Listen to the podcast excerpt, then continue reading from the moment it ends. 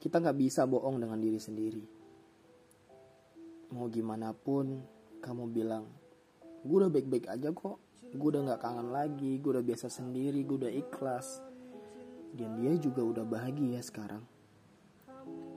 Tapi yang nggak banyak kita sadari bahwa alam bawah sadar kita tuh nggak gitu cara kerjanya. Semakin kita memaksa untuk lupa semakin pikiran dan hati rasanya nggak karuan. Tiba-tiba ngelamun sensitif nggak mood ngapa-ngapain nangis.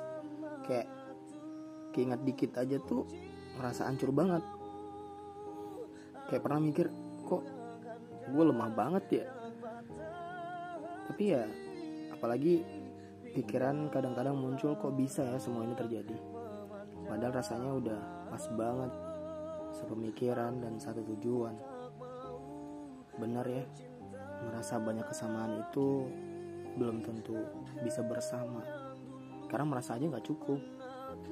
Dan yang harus kita ingat bahwa mengikhlaskan itu nggak segampang mengatakan. Kita yang kenal secara tidak sengaja mencintai secara tiba-tiba dan kini harus melupakan secara terpaksa berat sih. Tapi ya semua harus dilalui juga. Semangat untuk kalian yang ngerasain hal yang sama